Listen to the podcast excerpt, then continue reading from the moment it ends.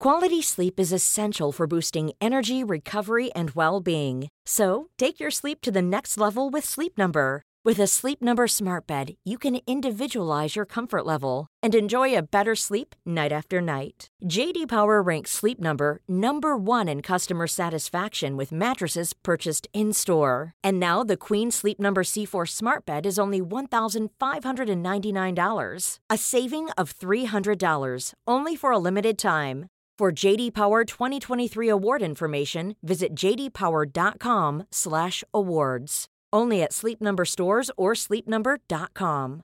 Cool fact a crocodile can't stick out its tongue. Also, you can get health insurance for a month or just under a year in some states. United Healthcare short term insurance plans, underwritten by Golden Rule Insurance Company, offer flexible, budget friendly coverage for you. Learn more at uh1.com.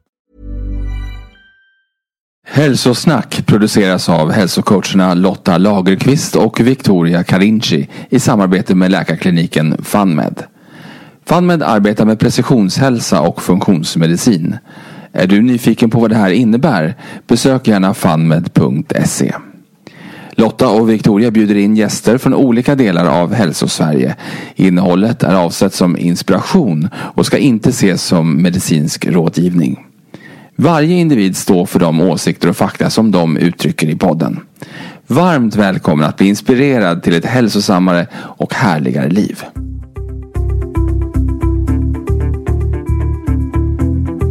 Hej Daniel och varmt, varmt välkommen till Hälsosnack. Hej, superkul att vara här. Ja, men verkligen. Det ska bli så spännande för idag ska vi prata biohacking och jag tänker att det här kan ta vilken väg som helst för det är så enormt stort ämne. Verkligen. Verkligen och speciellt med tanke på Alltså det kommer ju lite utifrån det här med den värld vi lever i just nu. Den typ, vi är ju en uråldrig varelse. Eh, Men de sista 100-150 åren så har vår värld förändrats drastiskt och det här är något vi försöker navigera som hälsointresserade och hitta så bra vägar vi bara kan för ändå må så bra vi kan. Så att ja, vi ska få veta lite hur eh, din filosofi kring det här är idag. Men först Daniel, vem är du och vad gör du? Oj, oj, oj. Men jag är väl en ganska nyfiken person, tror jag. Som eh, gillar att dyka in djupt i det mesta. Och eh, min hälsoresa, man kan säga egentligen så här. Jag jobbar just nu som ingenjör.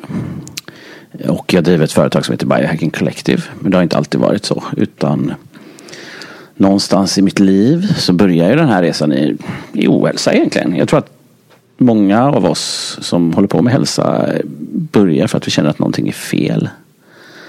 Eh, mm.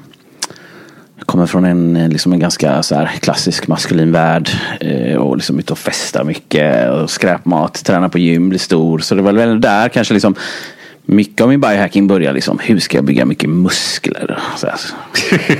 Hur kan man göra det så snabbt som möjligt? Ja men precis. Där började det. Och sen så började jag plugga. Eh, Och då handlade det ju väldigt mycket om liksom så här, prestera, resultat, komma ihåg saker. Och sen har det blivit mer blivit en hälsoresa. Liksom. Fixa saker. Eh, landa på en bättre plats. Bli tryggare i mig själv. Kanske också handlar väldigt mycket om att så här, lägga pusslet. Vem är jag? Eh, så här, eh, vad är det som pågår och varför känner jag så här? Eller varför har jag de här diskussionerna i mitt huvud? Det är väl där jag är nu. Och sen liksom integrera allting jag har lärt mig. Och nu handlar det väldigt mycket om att bara så här få ut det här. Eh, och försöka inspirera människor och försöka få folk att stödja folk. Liksom. Vi lever i en tuff värld. Eh, som du sa, mycket har ändrats. Förändringstakten går fortare och fortare. Jag skulle nästan säga att vi lever i en exponentiell tidsålder. Liksom, där ändringarna går så fort så att vi, eh, som, som du säger, om det börjar för 150 år sedan, liksom en ganska så kurva som lutar svagt uppåt så har den liksom börjat nästan ställa sig och börjat gå lodrätt. Liksom. Ja, bara de senaste tio åren. Ja. Alltså. Så att eh, ja, vi har ju typ en epidemi av liksom ohälsa. Eh, jag tror att över en miljon människor går på psykofarmaka och liksom våra barn är stressade. folk har problem med övervikt.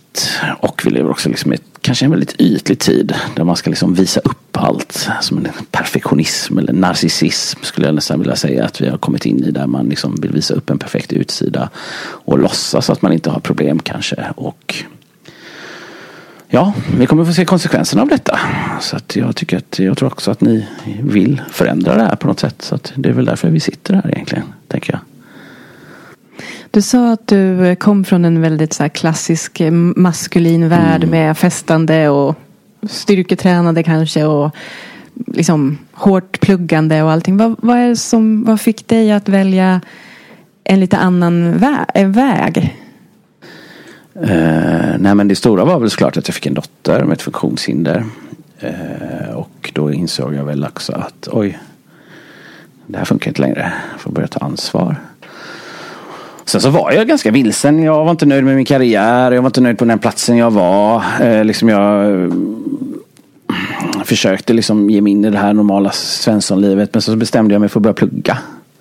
Och det var ju som ett uppvaknande för mig faktiskt. Att liksom så här, oj, oj, oj. Dels så här att bygga upp sig själv, bygga sitt självförtroende. Bara okej, okay, jag är grym på saker. Det visste jag redan innan också. Men att jag verkligen liksom kanske fick en extra validering i mig själv. Där, att okej, okay, också, också att det öppnar upp den här fantastiska världen. Biohacking liksom. Jag, jag tror jag dök på Dave Asprey första gången i Joe Rogan typ 2013 eller något sånt där. Och så liksom, bara, vänta nu, det här har jag hållit på med hela tiden. Liksom. Jag hade ändå hållit på med ketonkost. Jag hade fastat lite och liksom labbat lite. Men det var inte riktigt som det är nu med Instagram och allt. Utan man fick liksom dyka in i forum. Så bara, oh shit. Nu det här liksom. Och då blev det ju bara så här, oj oj oj, nu måste jag testa allt liksom. Och så döper man ner ett djupt kaninhål kan man ju säga. Som fortfarande är ett djupt kaninhål som bara växer. Men som också är helt fantastiskt liksom. Det är därför vi sitter här idag. Så det är väl superfint. Och hade du, hade du lidit av egna hälsoproblem då innan? Eller hur kom det sig ja. att du hade börjat äta ketogent och fastat och så? Jo, men jag har nog alltid sen jag var liten haft ganska mycket hälsoproblem. Jag tror att vi växte upp i en lägenhet. Det var liksom mögel, eh, mycket stress, ganska otryggt. Eh, så jag hade mycket allergier, jag var den här lilla snoriga ungen liksom. Det finns lite skam i det tror jag också. Gå runt och vara snorig hela tiden och känna sig sjuk liksom. Och sen eh, mm, mycket allergier, mycket typ så inflammation. Väldigt och sen så var det väl någon, som jag sa, det var en period där i mitt liv. Jag gick upp väldigt mycket i vikt. Eh, och där blev det liksom, plus att jag, ja, jag fick massa problem. Det så här sömnapné, alltså snarkning, alltså allt möjligt. Jag var trött, jag var, jag var lätt-triggad. Alltså det var bara Det kanske inte var botten i mitt liv men jag var på en ganska dålig plats. Jag fattar inte ens riktigt det. Men så börjar man med det här. Så här, jag kommer inte riktigt ihåg hur det var. Men det var den här LCHF-vågen väldigt tidigt där. Och då var jag ändå så här, oj oj oj. Man kan liksom, jag hade, tror jag hade börjat med att läsa så här andra böcker. Ja, man måste ha kolhydrater annars dör man ungefär. Och, det, och sen så bara eh, kom det här och så bara, nej men det här kan ju inte stämma. Liksom. Det här kan ju inte funka. Bara äta fett. Och så började jag med det och sen så bara, oj, shit, min hjärna kom tillbaka. Jag liksom gick ner i vikt så här, hur lätt som helst och skitpigg. Och, ja, Sen började det hända grejer. Så det är också så här att börja jobba med sin kropp och sin kost och sin hälsa. Det helt plötsligt har man energi, energi över till att liksom börja ta tag i andra grejer. Så att eh, ja, men det var där någonstans det började. Tänker jag. Så det är ingen extrem ohälsa. Kanske jag tycker i mina mått mätt. Men det var ändå, det var ändå tillräckligt mycket för att eh, dags att ändra på saker. Och det är jag väldigt glad för såklart. Ja men precis och det här med kosten det är ju en av de grundläggande eh, parametrarna, i alla fall enligt oss. Mm. För vi jobbar mycket med kosten mm. och att om man får eh, den på plats så händer det mycket. För i mitt fall så var det att eh, jag har ju för sig alltid varit kost, eller kost och hälsointresserad. Men man fattar ju inte riktigt eftersom den information man har är ju inte kanske Eh, alltid den sanna. Men när jag slutade med socker, det var som att den här rullgardinen bara rullade upp och jag kunde, fick äntligen kontakt med mig själv. Och det var egentligen då som allting började hända i eh, väldigt snabb fart. Att jag sa upp mig från jobbet och eller först hoppade på utbildningen som hälsocoach och sen sa upp mig från jobbet och så rullade det på. Men just att det var kosten som var min trigger i det. Gateway drug.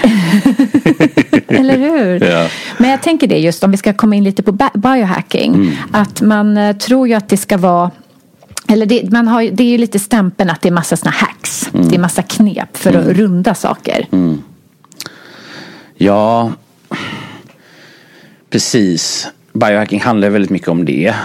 Eh, men för mig har det snarare blivit lite så här hur kan jag liksom avhacka mig själv eller unhack myself. För jag tänker att vi redan är ganska programmerade med mycket, mycket felaktig information. Det, det liksom finns eh, socker i kosten. Vi blir matade med liksom ett negativt mediaflöde. Vi sitter i dålig belysning. Vi jobbar i stressade miljöer. Alltså liksom vi har tappat lite kontakter med varandra. Och framförallt liksom vi kommer inte ut, vi får inte ljus, vi rör oss inte som vi ska. Och det är så lätt att bli uppslukade i allt det här. Liksom. Vi lever våra liv i våra huvuden nästan. Liksom. Och i våra mobiltelefoner och på internet. Och det handlar, för mig handlar det väldigt mycket om att alltså, hur kan vi ta tillbaka kontrollen istället. Även om jag har varit väldigt mycket för att försöka runda de här grejerna och insett många gånger att till slut att just det, det går ju inte. Det handlar ju faktiskt om resan. Att komma till målet direkt, då har man inte lärt sig något. Eller hur? Det är väl det som känns som att så här, i början tyckte jag biohacking var så, det var så spännande. Och nu har jag nästan liksom tappat lite intresset för det begreppet just för att det känns som att det så mycket handlar om det ska vara speciella gadgets, det ska vara liksom mäta, det ska vara liksom så himla Det blir så tekniskt på något sätt. Men om man ser biohacking bara som ett ord för att så förstå sin biologi och vad ens kropp verkligen behöver och liksom ge den det. Ja. Så för mig blir liksom biohacking mycket mer intressant. Och det är liksom precis det som jag lägger så mycket tid till. Liksom att, att verkligen försöka förstå den här biologiska varelsen. Egentligen ett, ett djur som har, alltid har levt ute i naturen på ett helt annat sätt än vad min kropp får leva idag. Att liksom det är det som är det här spännande. Att det mer handlar om att liksom förstå sin kropp. Det handlar inte om att köpa den senaste mojängen. Liksom. Hur, hur känner du för det? Hur har din liksom, utveckling i det här gått? Nej, jag Och, känner- och jag tänker det ena behöver ju faktiskt heller inte utesluta det andra. För vissa saker är ju otroligt spännande och jag, jag liksom vet att många blir väldigt motiverade av att se en siffra på hur är min sömn liksom, eller hur är ditten eller datten liksom. Så ja, hel, helheten får finnas. Ja, ja, jag känner mig träffad. Men samtidigt så tänker jag att det är ju så här, exakt som du säger var det för mig med. Så här, jättespännande. Åh, wow, wow. Men det är också så här, det är en väldigt bra gateway drug. Okej, du tror att du måste ha den här appen och det här märkliga headsetet och du mäter dina hjärnvågor. För att sen liksom bara, just det, du kan ju bara meditera. Eh, behöver ingenting egentligen. Sen så är det ju skoj och man får också se, jag tänker att man får se livet lite som en lek. Där man faktiskt leker och man har liksom lite roller. Ja men nu går jag till jobbet, nu är jag ingenjör, nu leker jag det. Och sen så får vi leka biohacking. Alltså man får inte ta På saker fritiden. Ja, liksom, man behöver inte ta saker på så stort allvar. Och då är det ju en jävligt rolig lek. Och en ganska bra lek. Eh, där man, liksom, man ändå jobbar och lär sig och liksom öppnar upp sin nyfikenhet. För att det handlar ju mycket om nyfikenhet. Sen så tycker jag väl i och för sig att så här, spacet har ju blivit lite tråkigare över tid. Det handlar mer, och när man byggde det här i början så var det rätt mycket folk som fixade och byggde saker själva. Små intressanta startups. Men nu är det kanske lite mer så här att Folk ska in och tjäna pengar. Det går att tjäna jävligt mycket pengar här. Det handlar mycket om produktivitet, prestera. Och sen samtidigt så ser man ju de här som har hållit på med det här länge. Alla hamnar ju någonstans kanske i personlig utveckling, spiritualitet istället på slutet. Och det är väl kanske där vi bör hamna. Och liksom de frågorna vi oftast bör titta på. För det kan ju också vara så. Var kommer liksom ett överdrivet intresse för hälsa ifrån? Kommer det från den bästa platsen oftast? Jag tror inte att det gör det. Utan det kanske liksom kommer från en plats där jag duger jag eller duger jag inte. Eller varför måste se ut så här. Jag måste vara rippad året runt. Eller jag tror inte det är hälsa heller liksom. Nej, precis. Men det kommer ju ur någonstans att vi söker någonting. Mm. Det är något hål vi behöver fylla. Precis. Så jag tror precis som du säger att det är ju, det är ju själen i grund och botten. Mm. Men också att vi förmodligen, ja men vi behandlar inte våra kroppar för våra Mm. kroppar är ändå själens boning. Och eh, då behöver också kroppen vara lite, ja men de behöver vara lite i synk. Ja. Och är de i osynk, det är väl då det här hålet uppstår och så blir vi sökare. Precis. På något, ja det finns, det var förenkling. Ja, och det är ju också jättefint att vara det. Alltså, jag tänker att vi alla är ganska lyckliga över att vi är sökare. Vi hade säkert inte suttit här idag. Och liksom, det är så mycket man får uppleva tack vare det. Men det är också kanske någonstans där man behöver landa i någon slags självacceptans. Och bara, ja, men vänta nu, nu är jag nog nöjd. Mm. För det är lätt att det blir att jaga horisonten. Och så bara, ah, måste ha nästa grej här. Nästa kosttillskott, nästa behandling, nästa retreat. Men känner du att det är lite, är det lite det, det sökandet som driver dig eller är det nyfikenheten? Eller? Eh, det är väl både och, eh, tror jag. Jag tror att eh, nyfikenheten driver mig mer idag. Eh, men så, såklart, det finns det sökandet också. Eh, och jag tror att det bottnar sig väldigt mycket i det från början. Liksom. Och sen så blir ju det sökandet en del av en själv komplext, svårt faktiskt att svara på det. Men eh, jag tror att det är dubbelt. Jag tycker att jag känner mig väldigt inspirerad. Jag tycker att det är väldigt roligt. Samtidigt som jag ibland blir trött. Så här, ja, ja, men vänta nu. När ska jag lägga av liksom? Jag vet att det redan räcker men jag fortsätter ändå. men det är ju också för att det är jävligt skoj. Och det är helt fantastiskt. Jag sitter här med er. Alltså jag träffar folk dagligen som håller på med grejer, roliga grejer. Alltså det är ju som jag säger, det är en väldigt rolig lek. Man kan få en massa nya vänner typ. Ja men eller hur?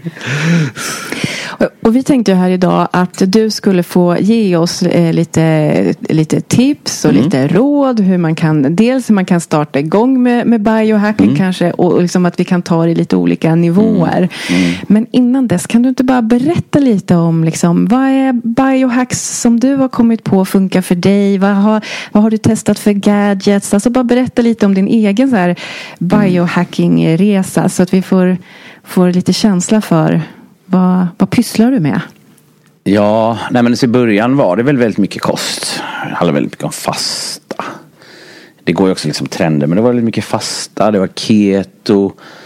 Eh, och väldigt mycket så här, ja, mitokondrier liksom. Optimera, alltså så här energi. Och det känns väldigt logiskt liksom för mig. Eh, så här, ja, mer energi, mer energi till att vara en bättre människa, mer energi till allt liksom. Eh, vad man nu ska göra. Så att behöver vi energi. Så det är väldigt mycket fokus på det såklart. Eh, och så att då var det så här, ja, syrgaskammare, ozonterapi. Eh, men också väldigt mycket, väldigt mycket sömn.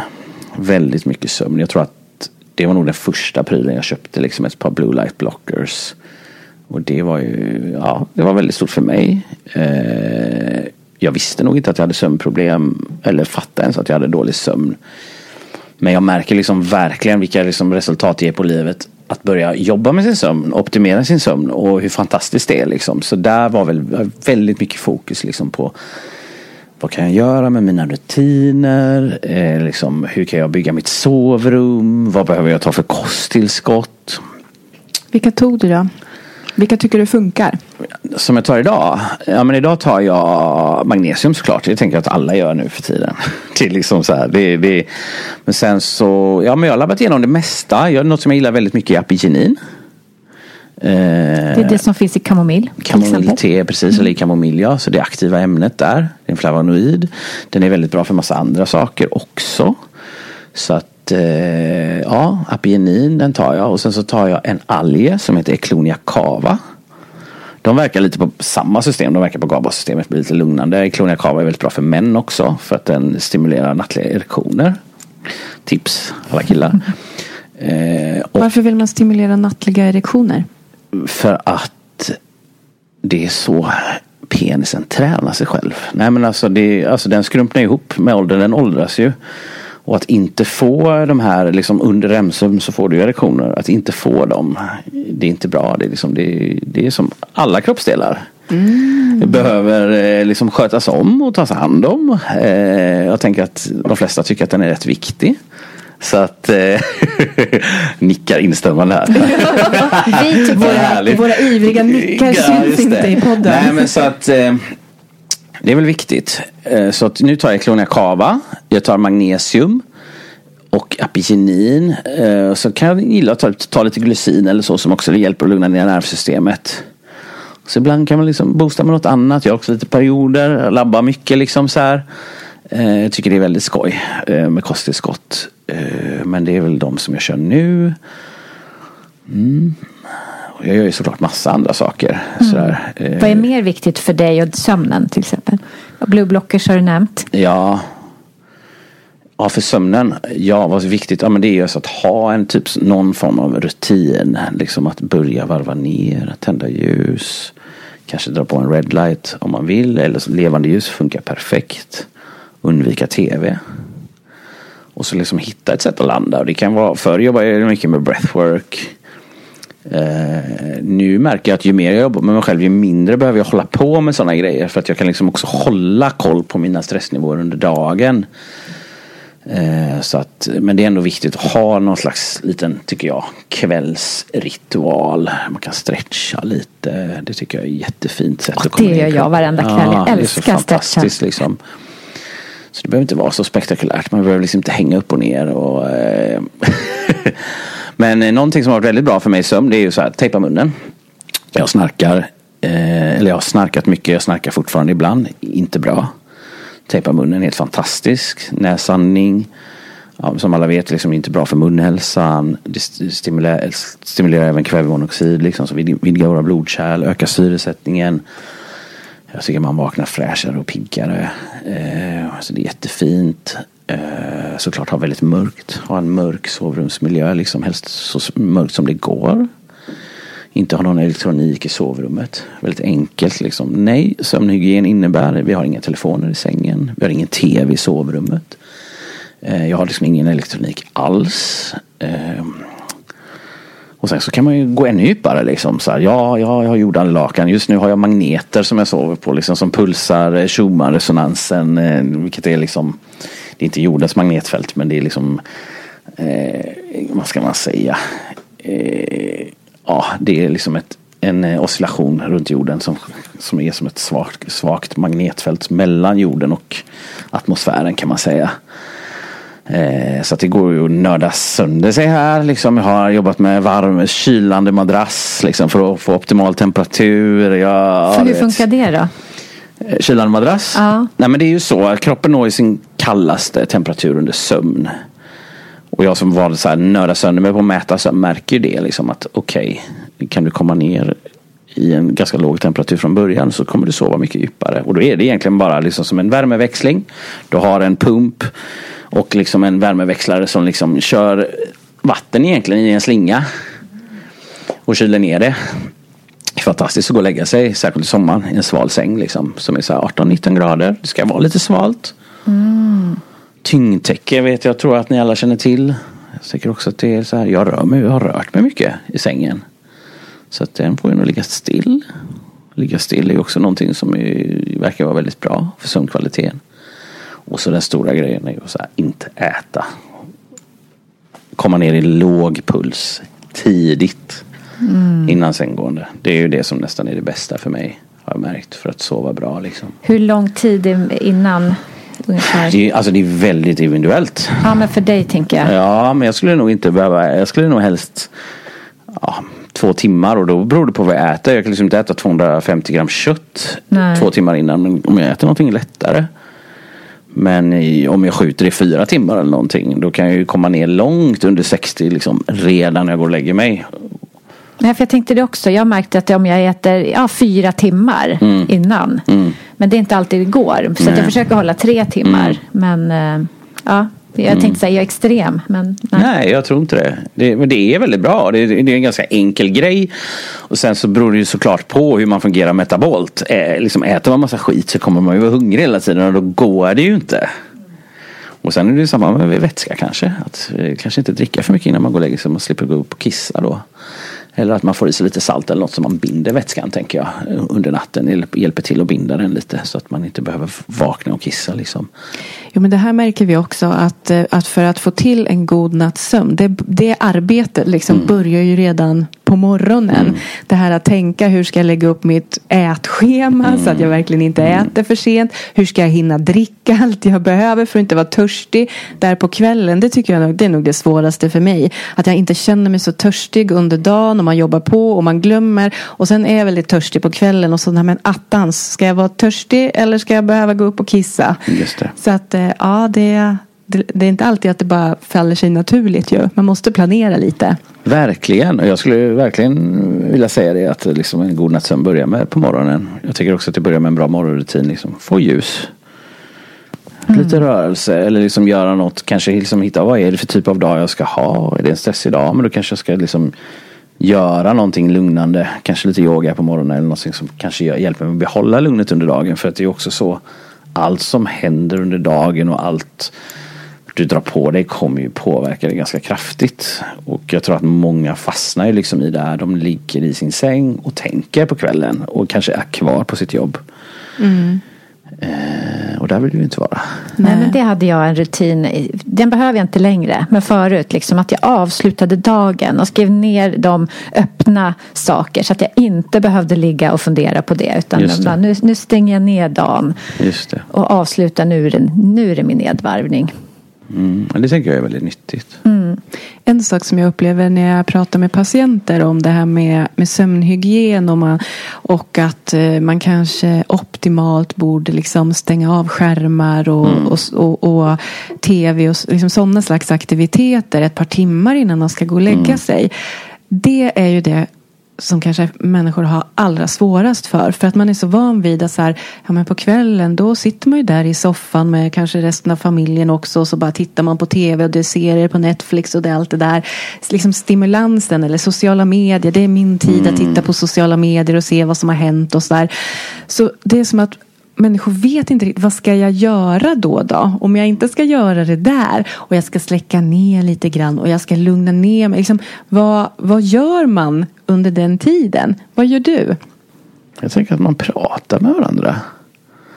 Och myser. Eller sådär. Man kan ge varandra massage eller man kan läsa. Alltså det finns ganska mycket man kan göra. Jag tänker att människor har löst det här i ganska länge. Tänk att det här har blivit ett problem. Ja, att vi inte kan, att vi har så ett problem att connecta med varandra egentligen då. Att vi måste fly från varandra in i, in i en skärm. Det är ju ganska läskigt egentligen. Och att vi liksom sitter där helt uppslukade och stirrar in i en skärm istället för att uppleva verkligheten.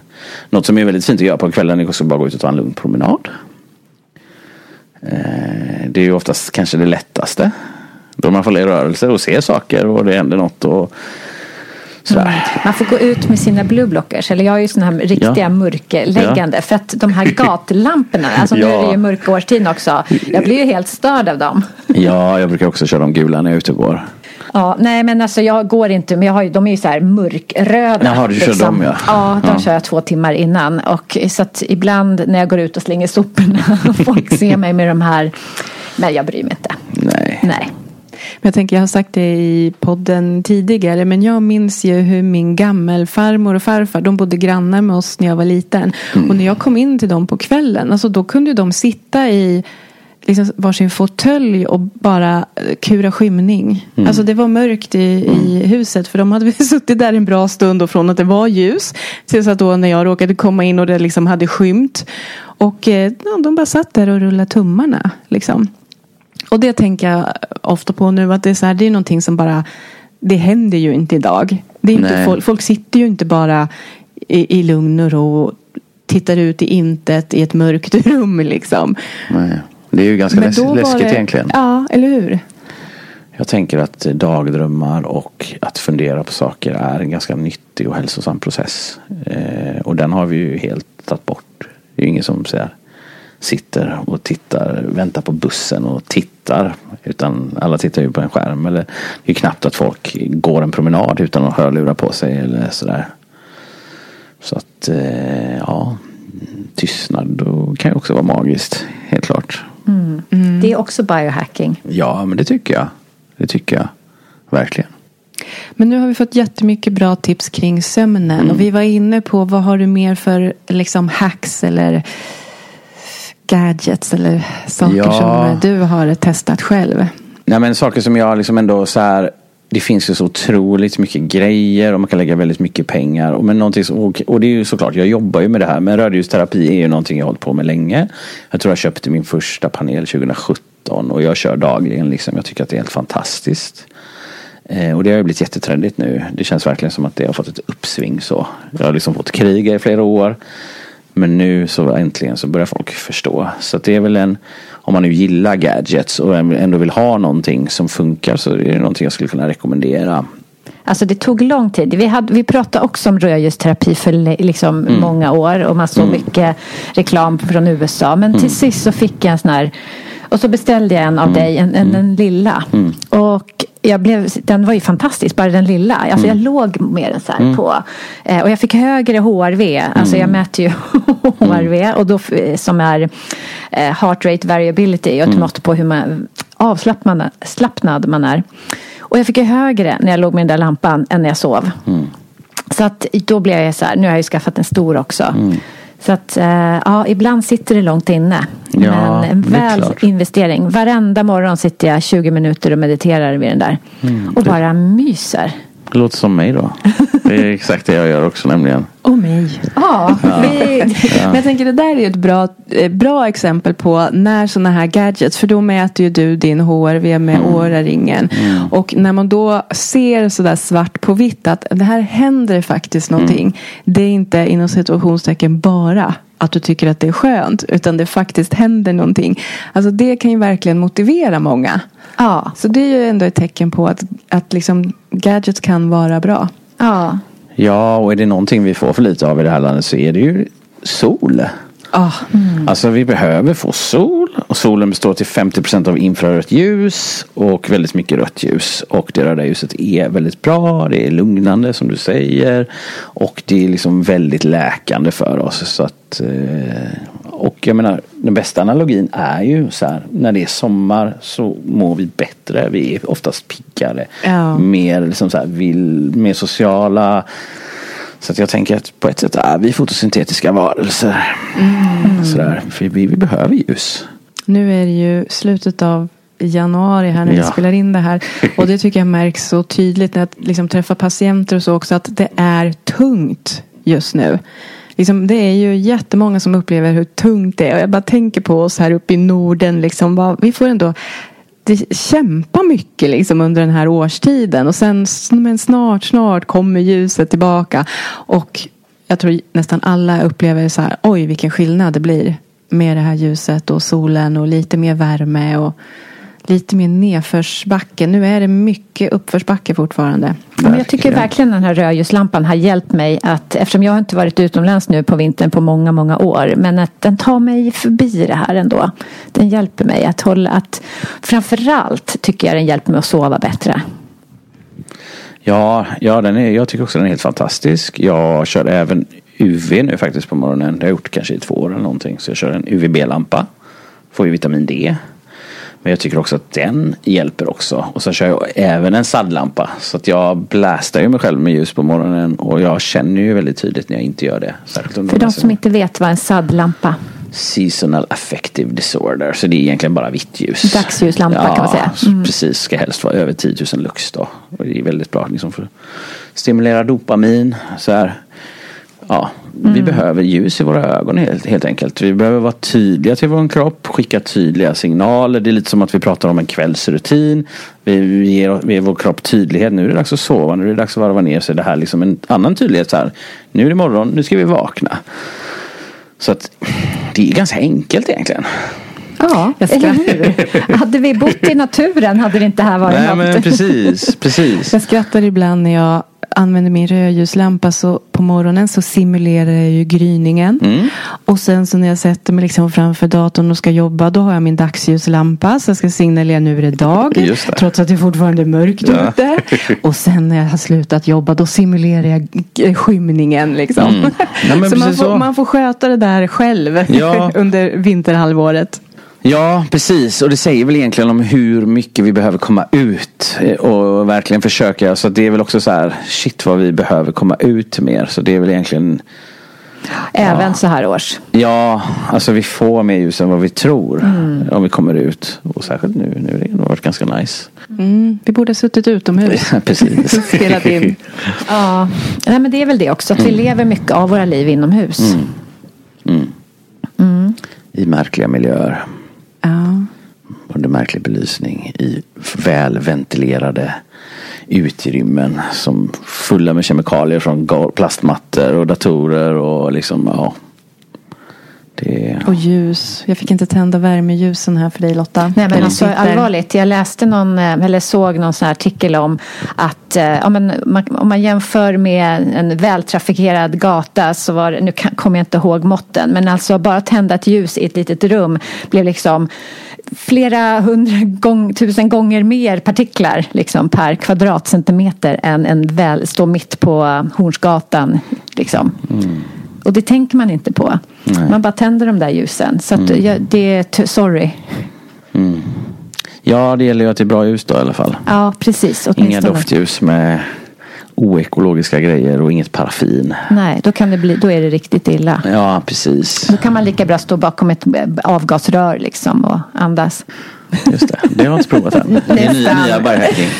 Ja, jag raljerar lite. Men Ja. eh, det är värre än man tror faktiskt. Så att man ska vara, tänka lite på sin inomhusmiljö. Verkligen. Men försöka Verkligen. komma ut såklart. Verkligen. Millions of people have lost weight with personalized plans from Noom, like Evan, who can't stand salads and still lost 50 pounds. Salads, generally, for most people, are the easy button, right? For me, that wasn't an option. I never really was a salad guy. That's just not who I am. But Noom worked for me. Get your personalized plan today at Noom.com. Real Noom user compensated to provide their story. In four weeks, the typical Noom user can expect to lose one to two pounds per week. Individual results may vary. Quality sleep is essential for boosting energy, recovery, and well being. So, take your sleep to the next level with Sleep Number. With a Sleep Number smart bed, you can individualize your comfort level and enjoy a better sleep night after night. JD Power ranks Sleep Number number 1 in customer satisfaction with mattresses purchased in-store. And now the Queen Sleep Number C4 smart bed is only $1,599, a saving of $300 only for a limited time. For JD Power 2023 award information, visit jdpower.com/awards. Only at Sleep Number stores or sleepnumber.com. Ja, men det här är ju ändå, alltså jag tycker inte det här är en av supernördigt. Alltså om Nej. de flesta kunde tänka på det här så skulle man må så mycket bättre och få gladare och enklare liv. Men om vi ska höja nivån lite då på biohacking. Du pratade om syrgasrum och, va- och det finns Give it to us Daniel. Ja, nej men det är klart. Är Alltså, jag har väl eh, liksom in- snöat in ännu mer då liksom. Och det handlar väl e- väldigt mycket så här. Nu kanske jag inte är lika mycket inne på den resan. Men det är ändå som integrerat det. Och det är väl liksom så här.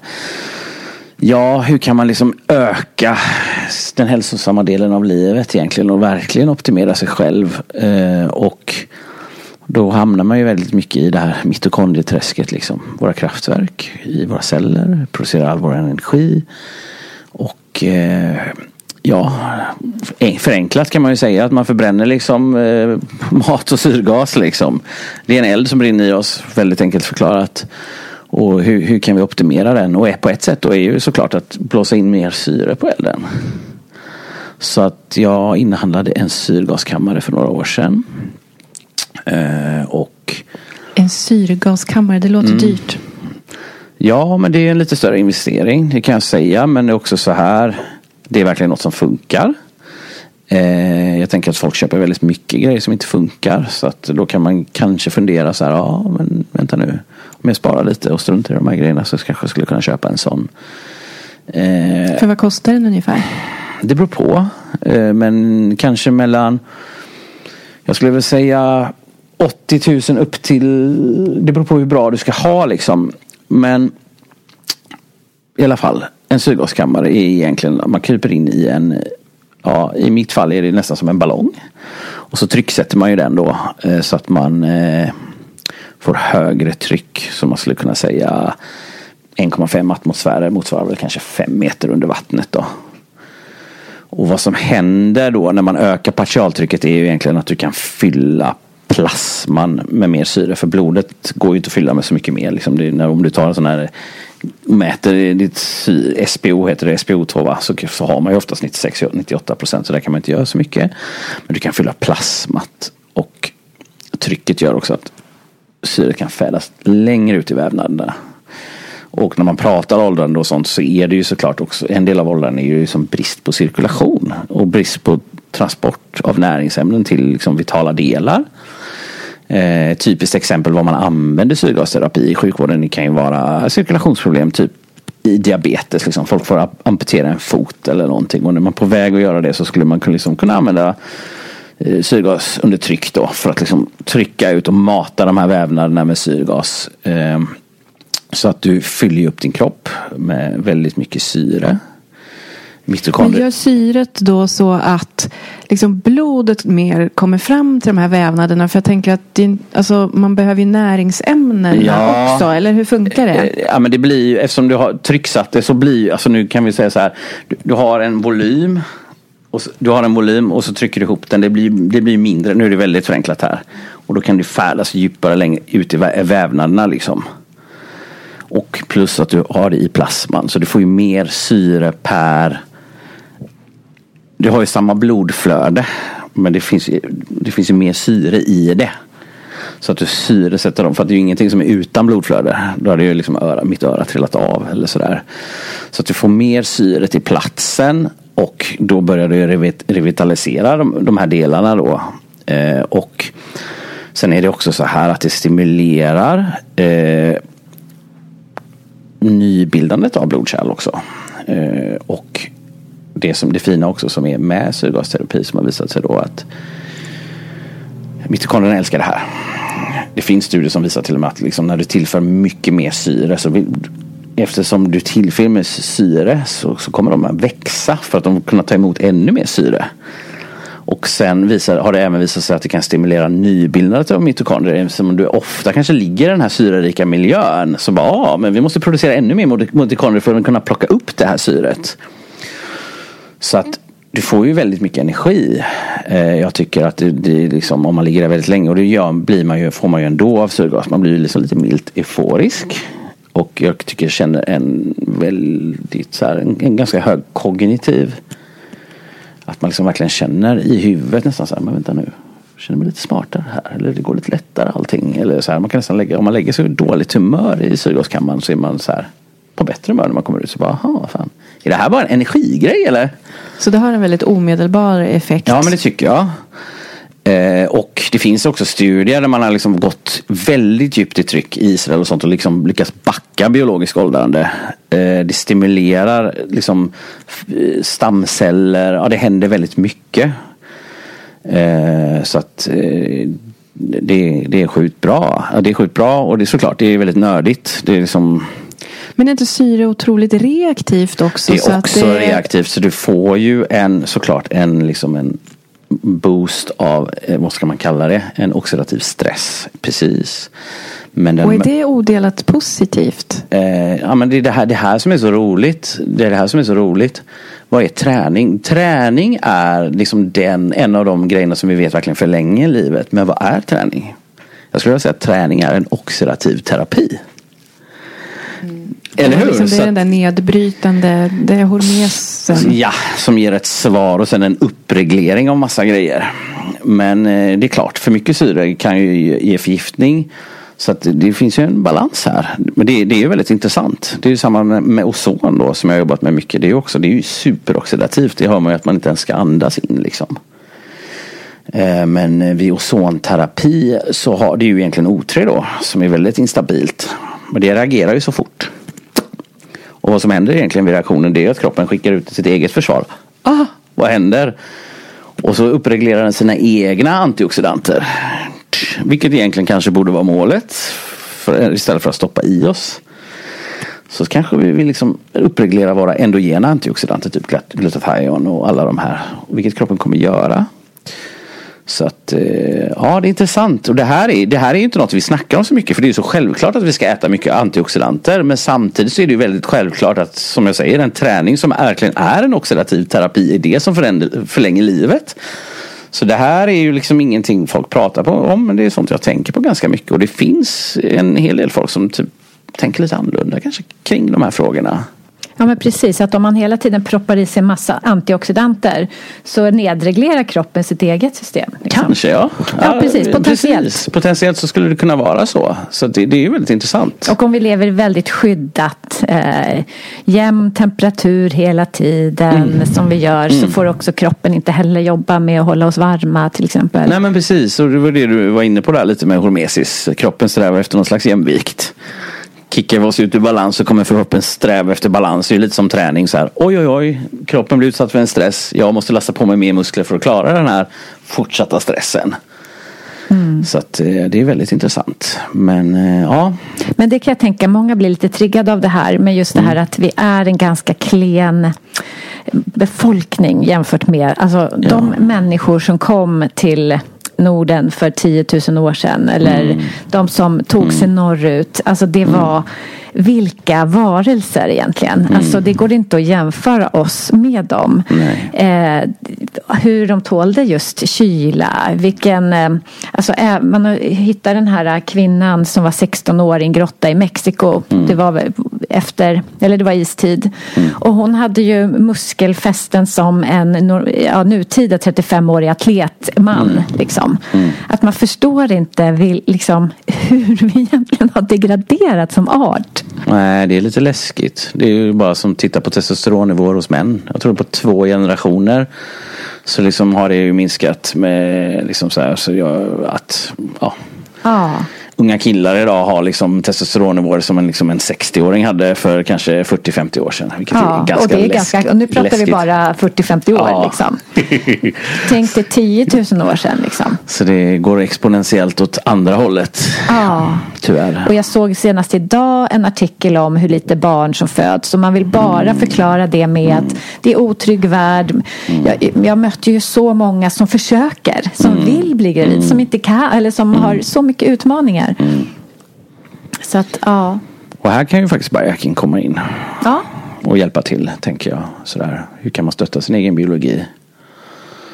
Och här det, kan det ju vara bra att ta lite genvägar ibland och försöka och labba med sig själv. Jag tänker att det är många som har de problemen som faktiskt kan fixa sig själva med lite kost, lite bra sömn och liksom Definitivt. kanske inte behöver köpa en syrgaskammare direkt och börja dra ozon men liksom en del på resan. Eh, för att jag tänker som du säger, det är ett stort problem idag. Mm. Och det är också ett problem för samhället. Mm. Vi behöver nya generationer. Vi är liksom en åldrande befolkning. Vi är snart bara pensionärer, 20-25 procent pensionärer. Vad händer med ett samhälle när vi bara är gamla människor, inga unga? Sådär. Det... Men vill du dela lite? Du är ju man mm. och du har redan, vi, har, du, vi har redan fått ett tips på eh, hur man kan öka testosteronet. Kan mm. du berätta, kan du ge lite fler tips? Men framförallt sömn är ju väldigt bra. Det finns mycket studier som liksom visar så här att ja, en timme extra sömn kan ge 20 procent ökat testosteron. Så det är ganska lätt. Sova bra skulle jag vilja säga. Äta mättat fett. Hör ni det? Nej men det är verkligen så. Alltså alla steroidhormoner liksom byggs egentligen på, med kolesterol. Liksom, så att, att undvika kolesterol enligt mig känns ganska korkat. Eh, vi behöver nyttigt fett vi behöver få i oss liksom kött, proteiner och sen så kan man ju nörda vidare såklart. Det finns jättemycket örter man kan jobba med. Jag tror att jag liksom experimenterat med det mesta. Och det funkar ju, det gör ju verkligen det. Men sen så får man ju också fundera då så här, okej, okay, kommer jag liksom höja det här tillfälligt och sen liksom kanske eh, för det finns ju ett sätt att bara höja testosteronet liksom via liksom att du kanske då som tar pinepollen exempel som innehåller fytoandrogener. Men det kan ju också vara att du nedreglerar dig själv lite. Eller liksom bör du liksom jobba högre upp i kedjan. Kedjan liksom ha någonting som puttar på LH. Som i sin tur liksom skickar en signal till bollarna att de ska producera mer testosteron. Men just nu kan jag säga vad jag tar. Jag tar Fadoja agrestis. Jag tar Tonkat Ali. Eh, det tycker jag är väldigt bra. Eh, sen så träning. Alltså träning. Högintensiv träning skulle jag säga är det bästa. Inte ut och springa långt. Inga maratons eller någonting sånt. Som många svenskar gillar. Det är bättre att vara, liksom, köra någon form av ganska liksom, högintensiv, ganska tung träning. Liksom. Man kan också tänka så här. Du har androgenreceptorer i hela kroppen. Och androgener är de manliga. Ja, precis. Och så har du liksom receptor-sites där liksom som kan ta emot testosteronet. Så ett sätt är ju antingen att du höjer ditt testosteron. Men det kan också vara så, det är därför vissa kan må bra på ett väldigt lågt testosteron. För att de kanske har väldigt många androgenreceptorer istället. Och du kan också liksom via tung träning och via att stimulera. Liksom, du kan också öka dina androgenreceptorer. Dels genom tung träning och framförallt liksom ben. Benträning är bra, där sitter det mycket sådana receptorer. Så, och, liksom, liksom och då kommer du svara bättre på mindre testosteron. Nu kanske det blev lite nördigt och komplext här. Om jag ska tipsa grabbarna på det gym jag tränar. För varenda fredag så står de där och pumpar biceps. Liksom. 70-11 olika bicepsövningar. När det är benen. Det är benen och det är liksom ryggen, det är de stora kroppsdelarna och det är inte träna länge. Jag skulle nästan säga när det gäller testosteron så är det ju så här va. Testosteron och kortisol, de är liksom lite fiender med varandra. Eh, Och när du börjar träna länge då kickar du kortisolet istället och kortisol trycker ner testosteron. Så, att Så- 11 olika bicepsövningar på... Nej. Too much. Ja, det är too much. Ja. ju. Jag tycker egentligen så här, eh, efter 40 minuters hård träning så kommer du få lite diminishing returns när det gäller testosteron. Så är det ju. Så tyngre och färre repetitioner egentligen. Ja, så att ett hög- träningspass behöver inte ta så lång tid. Nej. Det är ju superpositivt. Bara du ordentligt tar i. Ja, precis. Så är det. Och sen andra grejer såklart näring. Bra näring som vi var inne på där. Bra fetter. Nej, för jag tänker det, man kan ta örter men har man inte byggstenar. Exakt. Det är det vi behöver. Det är det vi Ja, behöver. Mm. de kan hjälpa till att få ihop det och liksom stimulera. Men man måste ha byggstenar, man måste ha förutsättningarna. Man måste sova bra liksom. Mm. Också. Precis. Och sen mycket det mentala. Mm. Det, det tror jag att det, det är väldigt viktigt. Hur mycket tänker du på, på säg som soja och, och liksom fytoöstrogener för män? Eller jag tänker på mobilstrålning, inte ha mobilen i fickan och sådana saker. Jag har ju silverkalsonger på mig. Så, jag tänker ju rätt mycket Du på det. tänker mycket på det. Ja, jag tänker det finns väldigt mycket studier just kring mobilstrålning och liksom spermemotilitet och eh, sådana här grejer och visar liksom att både wifi-nätverk och eh, mobilstrålning eller all form av liksom högfrekvent strålning verkar inte vara särskilt bra för oss generellt som organismer. Och framförallt inte för våra spermier då. Och eh, spermie, liksom antal spermier och spermiekvalitet och mängd verkar vara ganska korrelerat med liksom testos- höga testosteronnivåer. Så att eh, ja, där, där är jag försiktig helt klart. Och det tycker jag man ska vara. Jag försöker liksom, ha- och inte, det är klart att jag har telefonen i fickan ibland. Det händer. Men jag försöker när de så här på jobbet lägga den på bordet. Jag, Samsung, jag försöker prata i högtalartelefon istället. Eh, det är klart att jag använder hörlurar ibland. Men jag vill inte ha de här små som man sticker in i huvudet. Liksom. Men nu kanske vi försvann bort från testosteron. Men det är ändå viktigt. Det är väldigt viktigt. Eh, verkligen. Så att, eh, Ja, och allt påverkar ju varandra ändå. Ja, det Om det blir det. någon eh, onödig stress på ett ställe så påverkar det ju hela kroppen till slut. Ja, och det man kan säga kring det här är väl egentligen så här att om vårt system är stressat och vi är i fight and flight så ska inte reproduktion vara premierat. Alltså vi ska inte, liksom våran parning ska gå ner för att vi är i fara. Och samhället är ju idag liksom omedvetet så pass att vi liksom går in, tar in så mycket stressande saker så att våran liksom grottmänniskokropp eller vårt nervsystem tror ju att vi liksom är i konstant fara fast det egentligen är totalt ofarligt. Men eh, så att stress alltså. Och jag tänker som du sa det här med att inte titta på nyheter på kvällen och så. Alltså det är ju, nyheterna är ju designade för att trigga igång vårt nervsystem Ja, känns det som. ja. Det är bara negativt Ja. och det är oj, oj, oj, oj, oj. Och det här, liksom man vältrar sig i eh, orättvisor och eh, Ja, skräck. så, så är det ju verkligen. Så är det verkligen. Du har varit inne lite på spiritualitet. Mm. Vill du berätta lite om, eh, om det. För det är som sagt är ju, det är ju lite vad du pratade om att så här, biohackingen till slut kanske ändå mynnar ut i. Berätta om din resa. Ja men det, alltså det, det börjar ju såklart. Jag tänker att alla har de här tankarna. Vem är jag och liksom varför är jag här och vem är jag egentligen? Och liksom de här existentiella tankarna. Och sen så är det ju något slags självutforskande, något experimenterande och sen känns det som att när man liksom har jobbat igenom sin kropp och har energi och mår bra så börjar man liksom känna så här, ah, men vänta nu, vad är meningen med livet? Eller man börjar fundera på de djupare frågorna. Och också så här, vad är viktigt egentligen? Liksom? Vi har varit inne på det, social kontakt eller liksom och eh, också eh, så här, ja, jag tänker att vi alla är med om saker och det händer saker i våra liv som vi kanske inte riktigt bearbetar och vi söker svar, vi har alltid sökt svar på de här frågorna och vi lever i ett samhälle idag som är ganska eh, rotlöst. Vi har liksom inte religion längre eller sådär och jag tror att det är väldigt nyttigt för oss faktiskt att liksom jobba med de här grejerna. Så att ja, men det har väl varit ett arbete liksom. Börja med här, också liksom en inkörsport där. Mycket breathwork, mycket Wim Hof, yoga. Och sen har det väl fortsatt liksom med allt möjligt. Liksom jag har gjort mycket kroppsterapi. Eh, du berättade lite här för oss innan mm. om dearmoring. Ja, precis. Och dearmorering egentligen handlar väl egentligen om att vi bygger ett emotionellt kroppspansar under våra liv. Eh, och jag tror att begreppet myntades första gången av Wilhelm Reich då, som var en lärjunge till Sigmund Freud. Han, eh, han fick fly under nazisterna och bosatte sig i USA.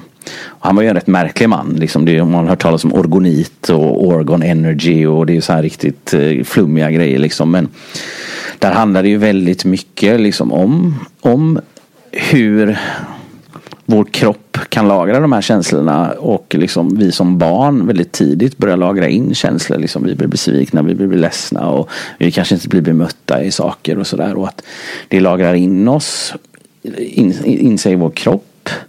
Men också gör kanske att under nervsystemets utveckling kanske också nervsystemet faktiskt blir lite dysreglerat. Vilket gör att man kanske får svårigheter i relationer. Det som ska kännas tryggt känns farligt och tvärtom. Det är liksom väldigt vanligt i våran tid. Jag skulle säga att de 75 procent av befolkningen har anknytningsproblematik. Eh, och har svårt att vara i relationer. Det är, det är bara att se liksom Tinder och allt det här. Liksom. Det handlar väldigt mycket om de här grejerna egentligen. Att man eh, kanske då känner att aldrig känns rätt. Eller åt andra hållet. Men eh, kroppsterapi handlar väl mycket om att släppa på alla de här gamla grejerna och lugna ner nervsystemet egentligen och hitta en ny baseline. Liksom. Och också mycket om att öka kroppsnärvaro. För att det, det är det det handlar om egentligen. Så här att vi är konstant i våra huvuden. Vi känner inte våra kroppar. Det där kommer jag ihåg när jag började på eh, yogalärarutbildningen. Mm.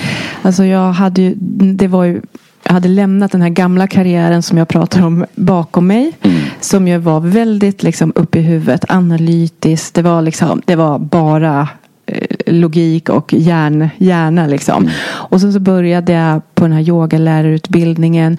Och de började prata om att så här, gå ner från hjärnan och ner och in i kroppen. Och när man skulle bearbeta saker så skulle man känna hur det kändes i kroppen. Och jag minns hur jag tyckte bara så här men vad menar de? Ska vi inte prata om det här? Ska vi liksom, alltså, vi behöver väl resonera kring det här, eller? Här, att det var verkligen ett nytt koncept för mig och jag förstod inte då. Hur, hur går jag ner i kroppen från mm.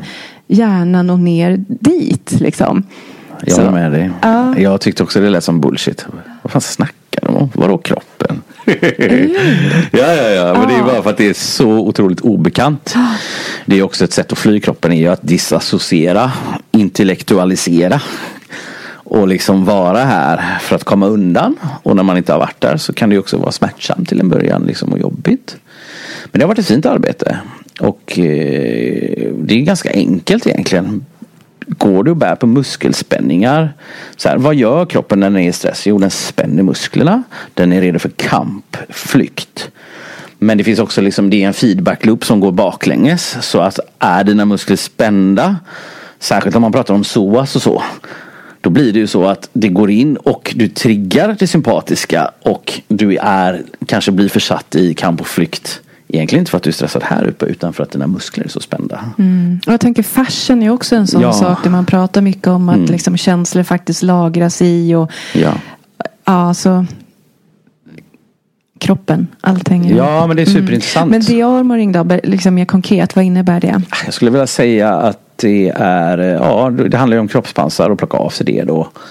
Eh, och eh, jag skulle vilja kunna säga att det är mer som en liksom ganska kraftig triggerpunktsmassage. Där man jobbar på vissa ställen där man liksom lagrar väldigt mycket. Och så kan man göra det här i kombination med breathwork eller i kombination med samtal eller med andra grejer. Men, eh, och det är ju en resa i sig som liksom kan sätta det kanske i ett lite ostabilt state några dagar efter. För att det händer ju mycket, processar mycket. Men eh, det är också väldigt vackert och fint och skönt. Eh, så här.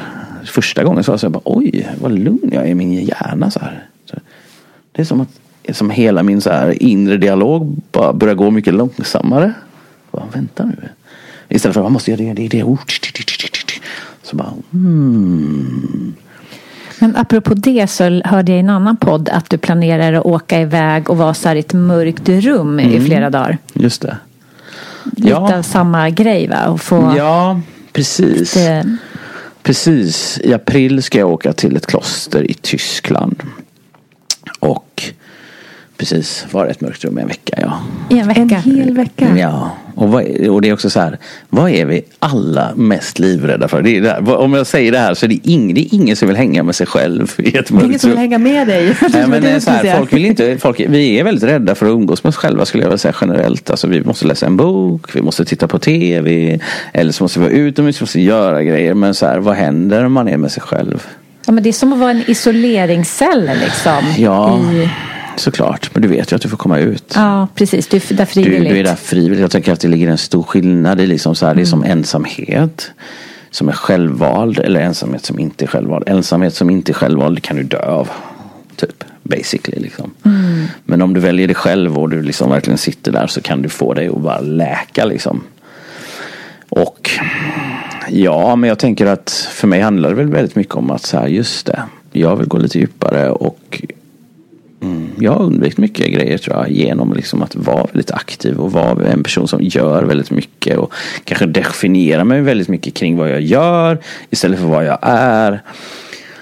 Och i det här undvikandet så tror jag också att man liksom man und, man und, allt som man undviker det kommer egentligen tillbaka. Och jag tror att det är väldigt fint att möta det. Och sen se vart man landar på andra sidan. Det är ju inte säkert att det blir att man kommer med en bra plats. Men målet är ju såklart att möta mig själv så pass mycket så att jag var min, mindre rädd egentligen. Jag tänker att alla går runt och är rädda för massa konstiga grejer. Ja men vänta nu, vad sa min chef? Eller vänta nu, när den här personen avvisade mig lite. Eller oj oj oj, nu kändes det konstigt här. Och så säger man ingenting. Och det är egentligen osäkerheter vi alla bär på tror jag. Så att, eh, det handlar väl om att jobba med dem. Jag tänker det du sa om att eh, många är liksom rädda eller undviker att vara med sig själva och liksom tänka sina egna tankar och sådär. Och jag tänker att vi lever ju i ett samhälle där det ska vara så mycket aktivitet. Människor reser väldigt mycket runt hela jordklotet. Liksom, och man, det, Man ska det uppleva. Man ska uppleva så mycket. Det ska hända så mycket. Man ska träffa så många och sådär. Och när man, har liksom, när man inte håller på med alla de här aktiviteterna. Då är det mycket tv, sociala medier och så vidare. Och då tänker jag så här. Man har ju liksom inget utrymme att tänka på alla de här fina minnena man skapar. Liksom. För det är ändå det. Man är ute och reser. Det är helt fantastiskt. Man, man skapar minnen. Men vi har väldigt lite utrymme idag, tänker jag de flesta, att så här, ja, men njuta av de där minnena. När sitter man och tänker på dem liksom, när man hela tiden liksom Sen är man inte stimulerar riktigt, sig? Man är väl inte riktigt närvarande heller på de där resorna. För man dokumenterar Ja, allting ja. hela tiden. Så man är inte. Om man tänker förr i tiden när man reste. Då kanske man tog en bild. Eller två. Kommer Alltså, ihåg när vi skrattade åt japanerna som hela tiden höll på med sina kameror? Ja, men jag tänker så här, för länge sedan när det bara typ fanns jätte, ja men på 50, sex- alltså 30-talet. Man kanske tog en bild på en, sin enda resa man gjorde liksom. Och nu är det konstant dokument. Man filmar sin frukost och Men berätta, alltså, i det här klostret då, då kommer du få liksom ett rum som kommer vara mörkt. Va, kommer de komma med mat Det gör de några ju. gånger om dagen? Eller de kommer vad kommer med hända? mat. De kommer med mat via någon speciell eh, anordning då. Det kommer inte bli ljust. Jag tror man får en stund på sig att bekanta sig med rummet. Och sen stänger de dörren. Självklart så finns det ju en nödstopp. Så att eh, om man får panik. Och man får, man kan ringa på en knapp så kan det komma en psykolog en timme om dagen om man vill.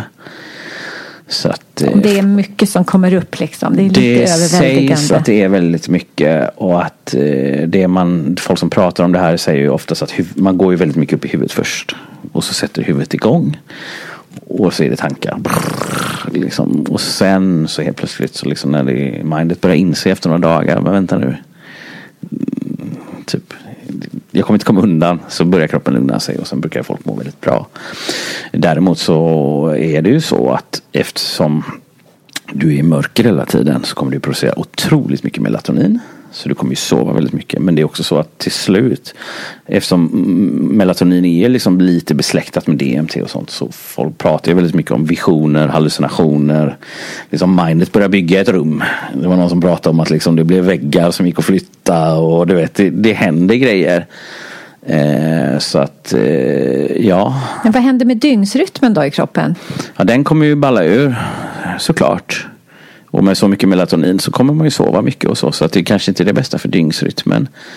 Men vad är egentligen poängen jämfört med, för att jag tänker absolut det här att, att eh, plocka bort alla Mm. stimuli. Men varför skulle du inte liksom kunna sitta bara ute på landet och ha liksom soluppgång och solnedgång och dagsljus och natt men du ba, är, är ändå bara med dig får själv? du ändå, precis det kan du ju göra. Herregud, jag var på tyst retreat eh, för inte så länge sedan. Det var jättefint. Men du har ändå lite mänsklig kontakt. Du har lite grejer att titta på. Sådär. Eh, Så att det är väl det. Så det här är liksom att beröva sinnet på så många intryck som det bara är möjligt. Och bara vara inne i dig själv. Och vara med dig själv och umgås med dig själv i, på djupaste planet som går. Eh, Det finns ju faktiskt en stam i Colombia som där barnen gör detta i åtta år. I åtta år? Ja. Jag tror de heter Koji eller någonting. Du kan kolla upp det. Det är lite läskigt. Eh, och i Tibet man, är det också väldigt vanligt. Man gör det här i tror jag, i 52 dagar. Eh, så det är ju en ganska gam, gammal praktik liksom för att möta sig själv. Och eh, sådär. Så att eh, ja, vi får se. Det, Det känns lite bli- utmanande och lite läskigt men också fint. Men jag tänker också att ja, vi får se. Mm, det ska bli spännande. Jag, skulle, jag vill gärna höra efteråt. Ja, du får ja, ja. återkoppla. Ja, ja, ja. Men du eh, Daniel, jag tänker att eh, det börjar lida mot sitt Mm. slut här nu. Vi har hållit på en bra stund. Det var superspännande att prata med dig och jag Mm. skulle vilja att eh, vi inte missar att prata om eh, eh, Du sa att du gillar ju kosttillskott. ja. Själv är jag ju lite på en plats just nu att jag är verkligen en minimalist. Jag satsar mycket mer på liksom the basics. Eh, Men det där går ju i vågor och hittar man något spännande så testar jag ju såklart. Men eh, jag tänkte att du skulle få berätta lite om kanske så lite nya coola eh, ti- tillskott som är lite out there. Det. bland annat hade du med dig några droppar som du droppade ner eller Lotta fick droppa ner i sitt vattenglas. Just det. Vill du berätta lite? Ja. Välja ut ett par stycken kanske som och, du och det här känner är att ju du... egentligen inte ett kosttillskott skulle jag vilja säga. Så det är ju mer en forskningskemikalie liksom. Ja. Men det är, det är något som har blivit väldigt stort inom biohacking-världen och det kallas metylenblått då. Eh, och det var en av de första malariamedicinerna. Eh, runt slutet på 1800-talet, början på 1900-talet. Det har även använts som ett färgämne för att färga jeans. Man kan använda det för att göra rent Det här har du druckit nu, fisktankar. Lotta. Precis, jag har bara lurat det här. Nej. Du går på vad som Vi, helst. vi, men vi, vi googlade, eller vi, vi promptade ChatGPT innan. Mm. Ja. Men i alla fall, vad det, basically vad det gör då det är att det fungerar som en väldigt bra elektrondonator. Så det kan hjälpa till i elektrontransportkedjan i, i nästan alla komplexen. Och skyffla elektroner framåt, alltså hjälpa till med vår ATP-produktion. Och sen så sa ju det att det används för malaria så det har väldigt bra liksom anti, dels vet du det, antiparasit, antibakteriellt, antivirala egenskaper. Eh, sen så fungerar det även som en mild MAOI. Alltså eh, kanske liksom sakta ner nedbrytande av monoaminer liksom som dopamin, serotonin och sånt. Så det kan även det hjälper till med fokus. Det är väldigt bra för fokus. Det är väldigt bra för återhämtning. Eh, Jag skulle säga att det är väldigt bra för prestation. Liksom du, du, får, du, känner, du får lite mer energi, energi. Du kan producera lite mer ATP. Det är väldigt bra tillsammans med Red Light Therapy också. Det är liksom verkligen synergistiskt. Så det här det röda ljuset sugs ju till det blåa liksom. Eh, Så att det... Just det, för det har använts, alltså det har, eller det kanske fortfarande gör, alltså det används som en kontrastvätska i kroppen. Liksom. Det också. Så Det också. det, det är extrem blå färg. Alla sjukhus har detta. Kanske inte i Sverige men alltså vid cyanidförgiftning exempelvis. Eh, och då är, så kan man använda metylenblå då för att ändå få igång eh, vet det, elektronsamtalskedjan för den kan ju donera elektroner ändå. Så att det är också en, eh, precis, det är en bra medicin och i låga doser så är det en stark mitokondriell antioxidant kan man säga. Och i höga doser så blir den lite oxidativ då. Så att eh, det är väl någonting som man kanske inte ska börja med. Utan man får göra sitt research lite och vara lite försiktig. Ja, för finns det, vilka risker finns som man vet om? Att en använder så här i biohacking-syfte som någon slags tillskott eller vad Det man nu används ska som ett kalla tillskott det. i det. ganska låga doser och jag skulle säga vi från 0,5 milligram upp till 4 milligram per kilo så är det ganska safe. Men det kan ju bli oxidativt. Det kan eh, i höga doser liksom skada bakterieflora. Det kan också vara så eh, MAOI exempelvis om du äter lyckopiller eller liksom tar någon annan medicinering som också påverkar liksom ser- serotoninsystemet eller så att det kan bli toxiskt för hjärnan i höga doser. Och eh, som sagt, det kan också vara en oxidant. För det är både en antioxidant och en oxidant. Det är det som är lite speciellt med den då. Eh, den kan både ta och skicka elektroner liksom. Så att, eh, det, det är väldigt intressant. Eh, men eh, ja, det, man får läsa på som vanligt och göra sin egen efterforskning. Och så får man liksom fundera på vad man håller på med. Så att det kanske Proceed som sagt rekommenderar inte liksom att man börjar med det här så. Men det, det är intressant. Det händer mycket där. Och Lotta, du drack ju ett glas med några Jag tog droppar en i. droppe. Ja, en droppe Märkte du med. någon, Har du märkt någonting här? Ja, jag eller? känner att jag är väldigt skärpt även så här i slutet av intervjun. Tycker jag. jag bara, Nej men det jag skulle säga också det är ju att ehm, Ja och det man får tänka på det är ju det här med biohacking Att det är ju lite så här äh, Att man ligger i framkant Det är Ja. inte alltid som forskningen finns där Utan det är ju mycket experimenterande Och eh, man hittar nya saker Så det, det är ju bra att du säger det Man får vara lite försiktig Ja, jag skulle väl säga många gånger så är det ganska klen evidens. Det kanske finns lite djurstudier eller så. Men då är det genast några biohackers som är på det och ska testa liksom. Sådär. Eh, och ja.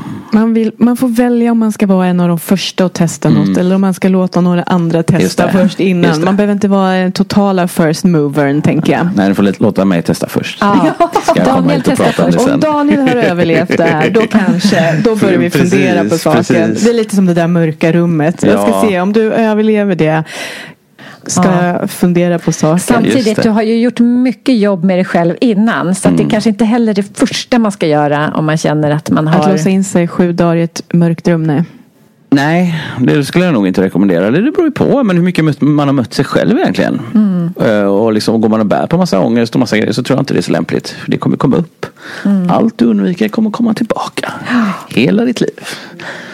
Så att eh, sådär. Det är viktigt att deala med de grejerna först innan man är redo för det. Ja, det är nog väldigt viktigt. Ja, men vad bra. Jättebra. Som sagt, vi skulle kunna prata mer, säger jag nästan alltid. Eh, men vi ska runda av.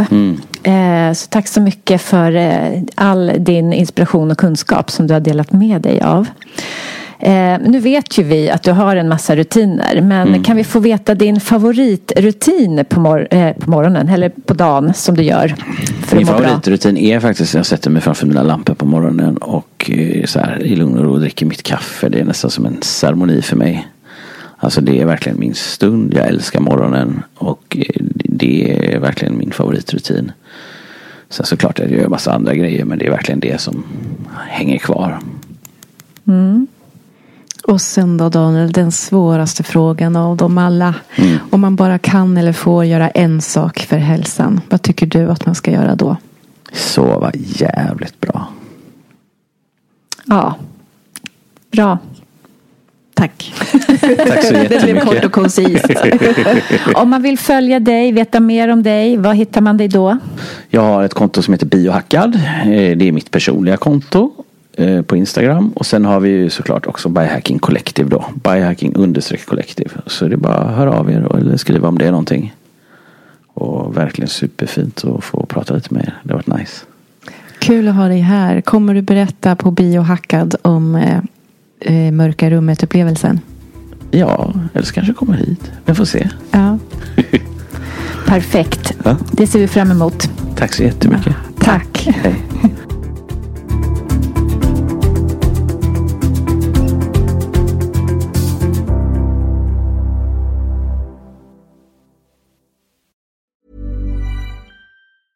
Have you ever Googled your own name? Prepare for a shock because your personal info, including addresses and phone numbers, is all out there. It's all harvested by data brokers and sold legally.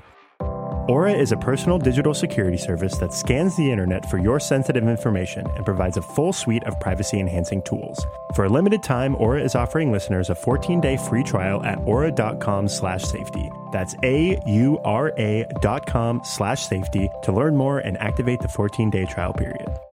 Botox Cosmetic, out of botulinum toxin A, FDA approved for over 20 years. So, talk to your specialist to see if Botox Cosmetic is right for you.